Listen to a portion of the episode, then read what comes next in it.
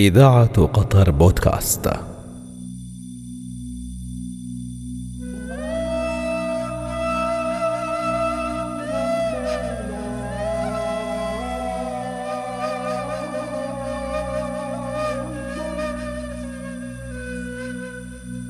عندما نتحدث عن القيمة الحقيقية لجامع ما فليس بعد الإسراء والمعراج قيمة تعلو تلك القيم. سأكون معكم أنا أحمد عدنان في هذه الحلقة. المسجد الأقصى. المسجد الأقصى. سبحان الذي أسرى بعبده ليلا من المسجد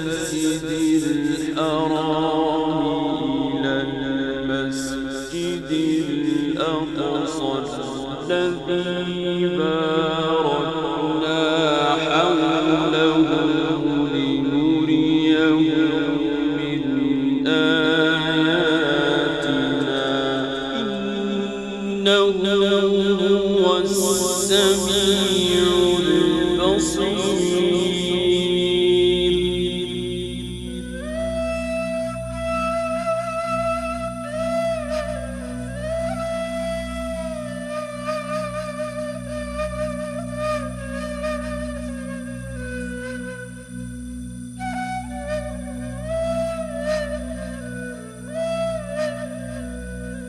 الجزء الجنوبي من الساحل الشرقي للبحر المتوسط حتى غور نهر الأردن.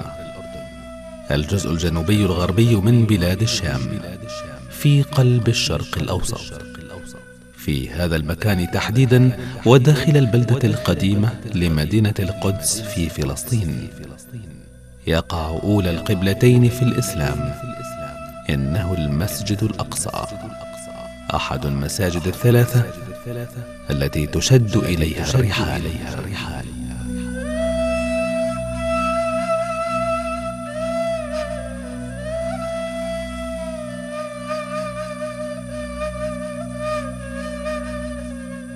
هو حديث عن عزة وكرامة الإسلام. حديث عن كل المعاني الجليلة التي ترمز إليها معالم هذا المسجد الشامخ العظيم. حديث عن الجمال عن الفن الإسلامي العريق الذي ما زال يختال على إبداعات الإنسان في القرن العشرين. حديث عن شكل مباشر من أشكال استقرار الحضارة الإسلامية بتاريخها وإبداعاتها وتضحياتها وتحدياتها. فبيت المقدس أرض المحشر والمتجر كما وصفه صلى الله عليه وسلم. هكذا يؤكد علماء الدين.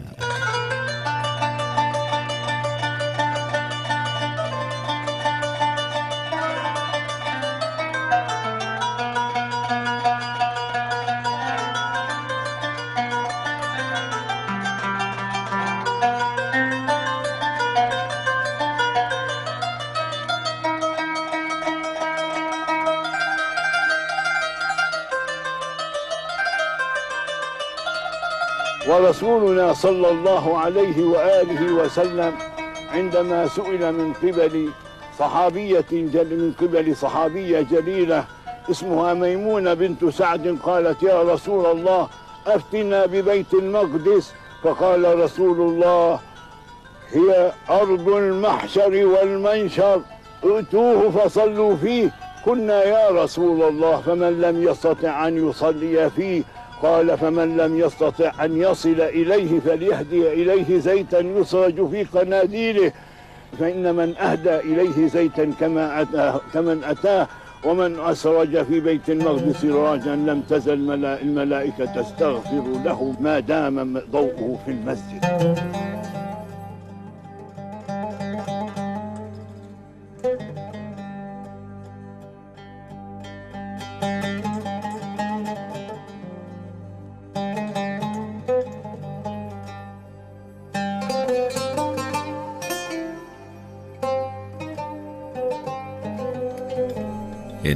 المسجد الذي كرمه الله تعالى بذكره في كتابه الكريم وشرفه بمسرى نبيه الكريم محمد صلى الله عليه وسلم وربط بينه وبين بيته الحرام بأوثق رباط وجعله سبحانه وتعالى القبلة الأولى لخير أمة أخرجت للناس.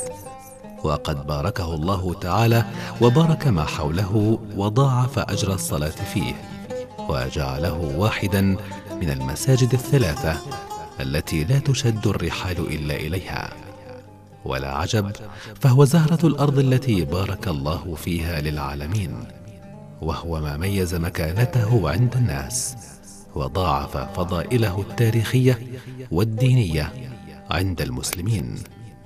هكذا يؤكد علماء الإسلام.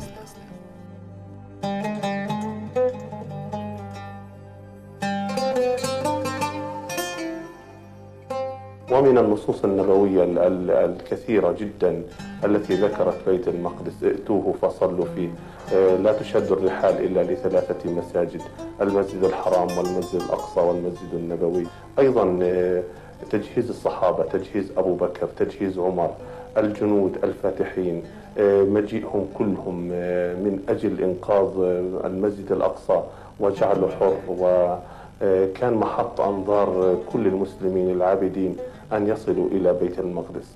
من هذه ال- الأصول الثلاثة من القرآن ومن السنة وحادثة الإسراء والمعراج المعجزة العظيمة التي تتردد على ملايين الشفاه من المسلمين وفعل الصحابة والتابعين واهتمام على مدار 1400 سنة أنه هي العاصمة ال- الإيمانية بعد العاصمة الروحية.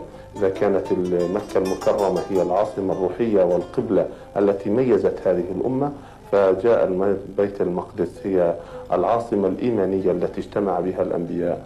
فمن هذه المصادر الثلاث تستمد المسجد الأقصى مكانته العظيمة في العقلية وفي الفؤاد وفي الفكر وفي الحياة اليومية للمسلمين.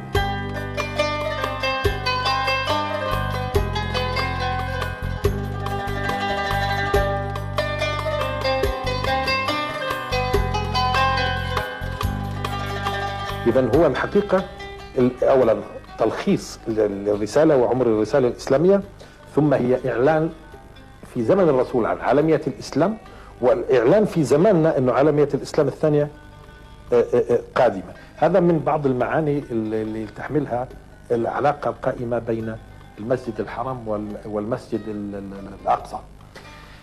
الآن أيضا هناك ممكن نستفيد من هذا ال- بداية علاقة البشرية في الحقيقة آه، في في الأرض على ما يبدو أنها كانت مكة.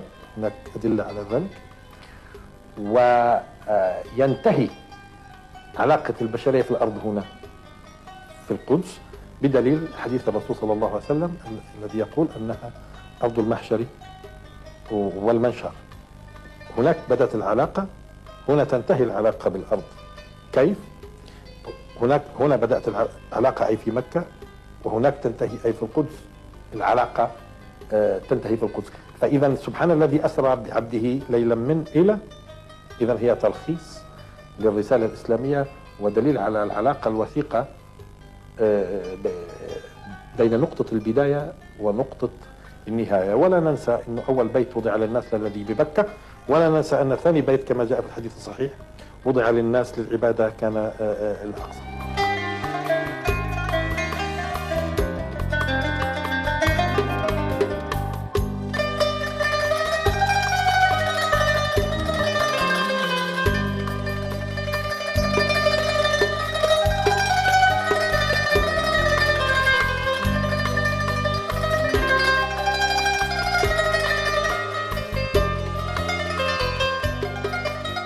أجمع العلماء على أن المعنى القرآني الأقصى يشمل هذه المساحة المسورة داخل أسوار القدس والمنحصرة في الزاوية الجنوبية من المدينة والتي تشكل ثلث مساحة القدس القديمة. هذه المساحة بما فيها من أبنية وحواكير وقباب وأسبلة مياه وسبل مرور ومساجد ومآذن وأروقة. ومصاطب وأشجار ومنابر ومحاريب وآبار ومكتبات وغير ذلك مما يشاهد في هذه المساحة الواسعة التي تبلغ 144 ألف متر مربع. كل هذا هو المسجد الأقصى المبارك بمفهومه القرآني والتاريخي الصحيح إلا أنه يبقى هناك خلط كبير في أذهان المسلمين حول معنى الأقصى وحدوده. مفتي القدس والديار الفلسطينية يوضح ذلك.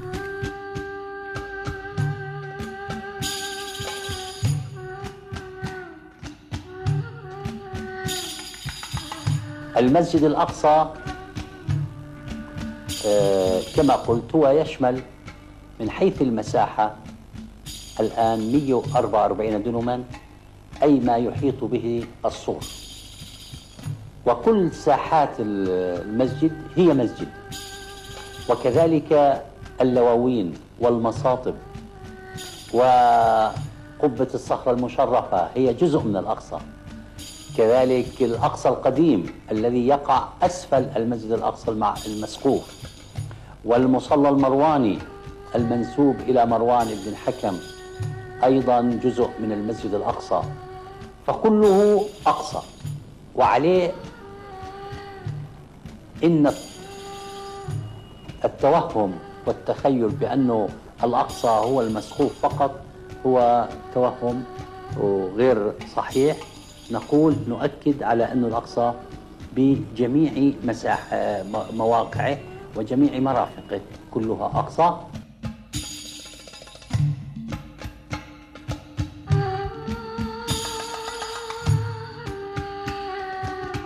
لأن الآية الكريمة قد أعطت لنا أصلا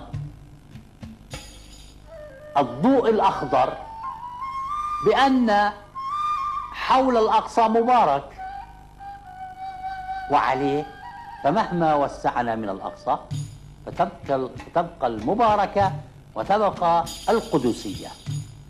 إنما نحن الآن نستعمل المساحات التي قدرها المهندسون ب 144 دنيا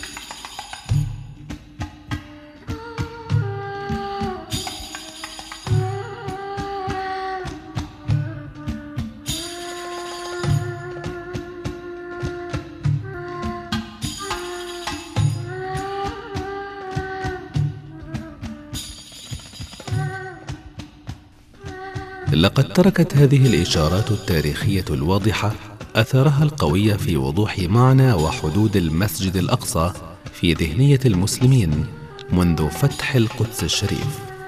فترى الناس يصلون داخل المسجد وخارجه في ساحاته وتحت أشجاره وفي المباني والمرافق المنتشرة ضمن هذه الساحة الكبيرة. كان ذلك يعني منذ حداثة الإسلام أن الصلاة في هذه البقعة المقدسة سواء كانت في الأبنية المسقوفة أو في الساحات المكشوفة تتساوى في الأجر والعطاء عند الله سبحانه وتعالى.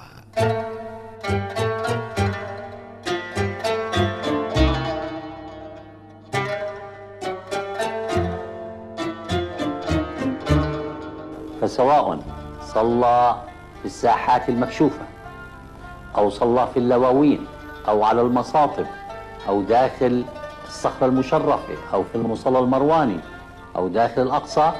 فإن المسلم سينال نفس الثواب لأن المساحات هذه تعتبر كلها أقصى.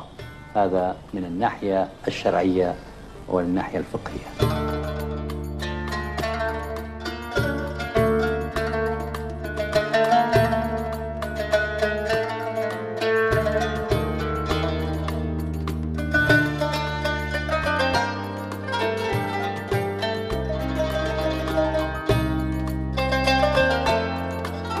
لذلك عندما تم الحديث في العلاقة بين مكة والقدس هو في الحقيقة الحديث حول آه، عالمية الإسلام. اللي ع- يعني أعجبني بعض ال- ال- المعاصرين عندما قال أن هناك أكثر من هناك عالميتين يعني. عالمي عالمية إسلامية أولى بدت من بعثة الرسول صلى الله عليه وسلم ويبدو أنها انتهت بسقوط ال- ال- الخلافة. ولاحظ سقوط الخلافة كان في لها إرهاصات. سقوط القدس بيد البريطانيين. ثم نحن نعيش الآن على ما يبدو مرحلة فراغ مرحلة فراغ وإرهاصات العالمية الثانية التي ستمتد إلى يوم القيامة هي العودة إلى ال- ال- العودة إلى القدس. فالآية الأولى من سورة الإسراء تعلن عن عالمية الرسالة. ثم الآيات التي تأتي بعدها تتحدث عن العالمية الثانية ال- ال- ال- الوقت الذي نعيشه. وقضينا إلى بني إسرائيل في الكتاب لتفسدن في الأرض مرتين ولتعلن علوا كبيرا.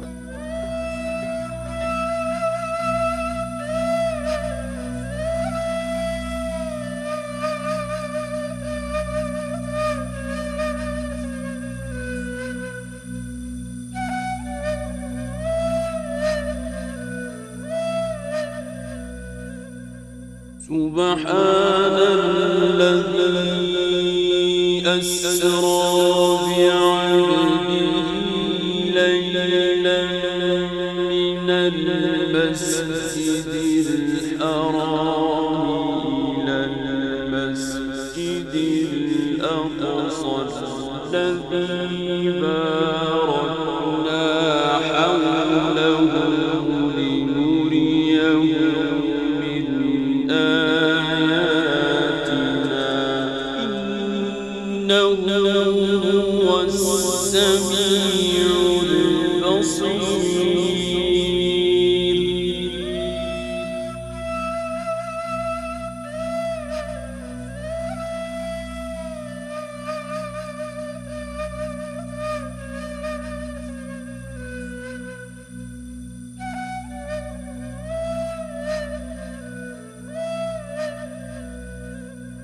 إنه تأكيد على مكانة هذا المسجد عند الله سبحانه وتعالى وإشارة إلى ما يجب أن تكون عليه منزلته عند المسلمين.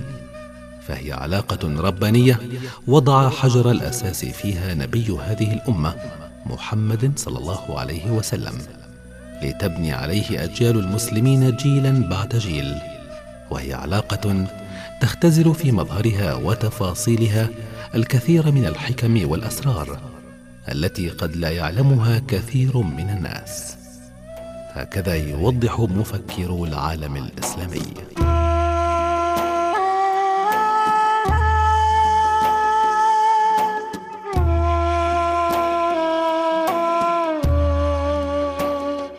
سبحان الذي أسرى بعبده ليلا من المسجد الحرام إلى المسجد الأقصى. نستطيع أن نقول أن هنا تلخيص البداية والنهاية. كيف؟ كان بداية نزول الرسالة في مكة من؟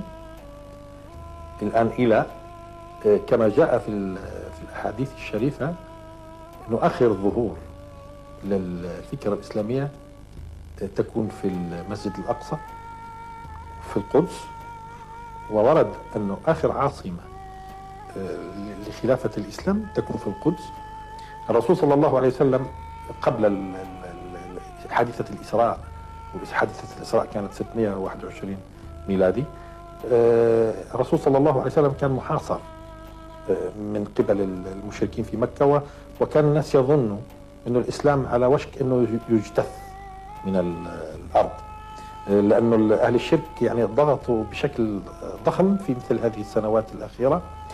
في الوقت اللي كانت الناس تنظر بمنظار بشري إلى أن الرسالة حصلت وانتهى الأمر. جاءت ال- الآيات القرآنية لتقول عبر حادثة الإسراء والمعراج أنه الإسلام هذا لم يأتي من أجل أهل مكة ولا من أجل الجزيرة العربية بل جاء من أجل العالم كل العالم. لذلك كان هذا إعلان انتقال الإسلام للمرحله العالمية مع إنه العوائق موجودة في مكة لا تزال. العوائق لا تزال في مكة والحصار. لكن هذا دين رباني جاء للبشرية للبشرية. بيتخطى مكة وبيتخطى الجزيرة العربية.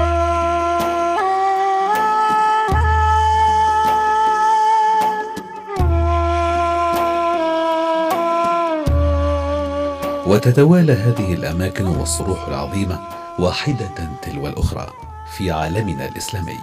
ترقبونا في الحلقة القادمة مع جامع ابن طولون.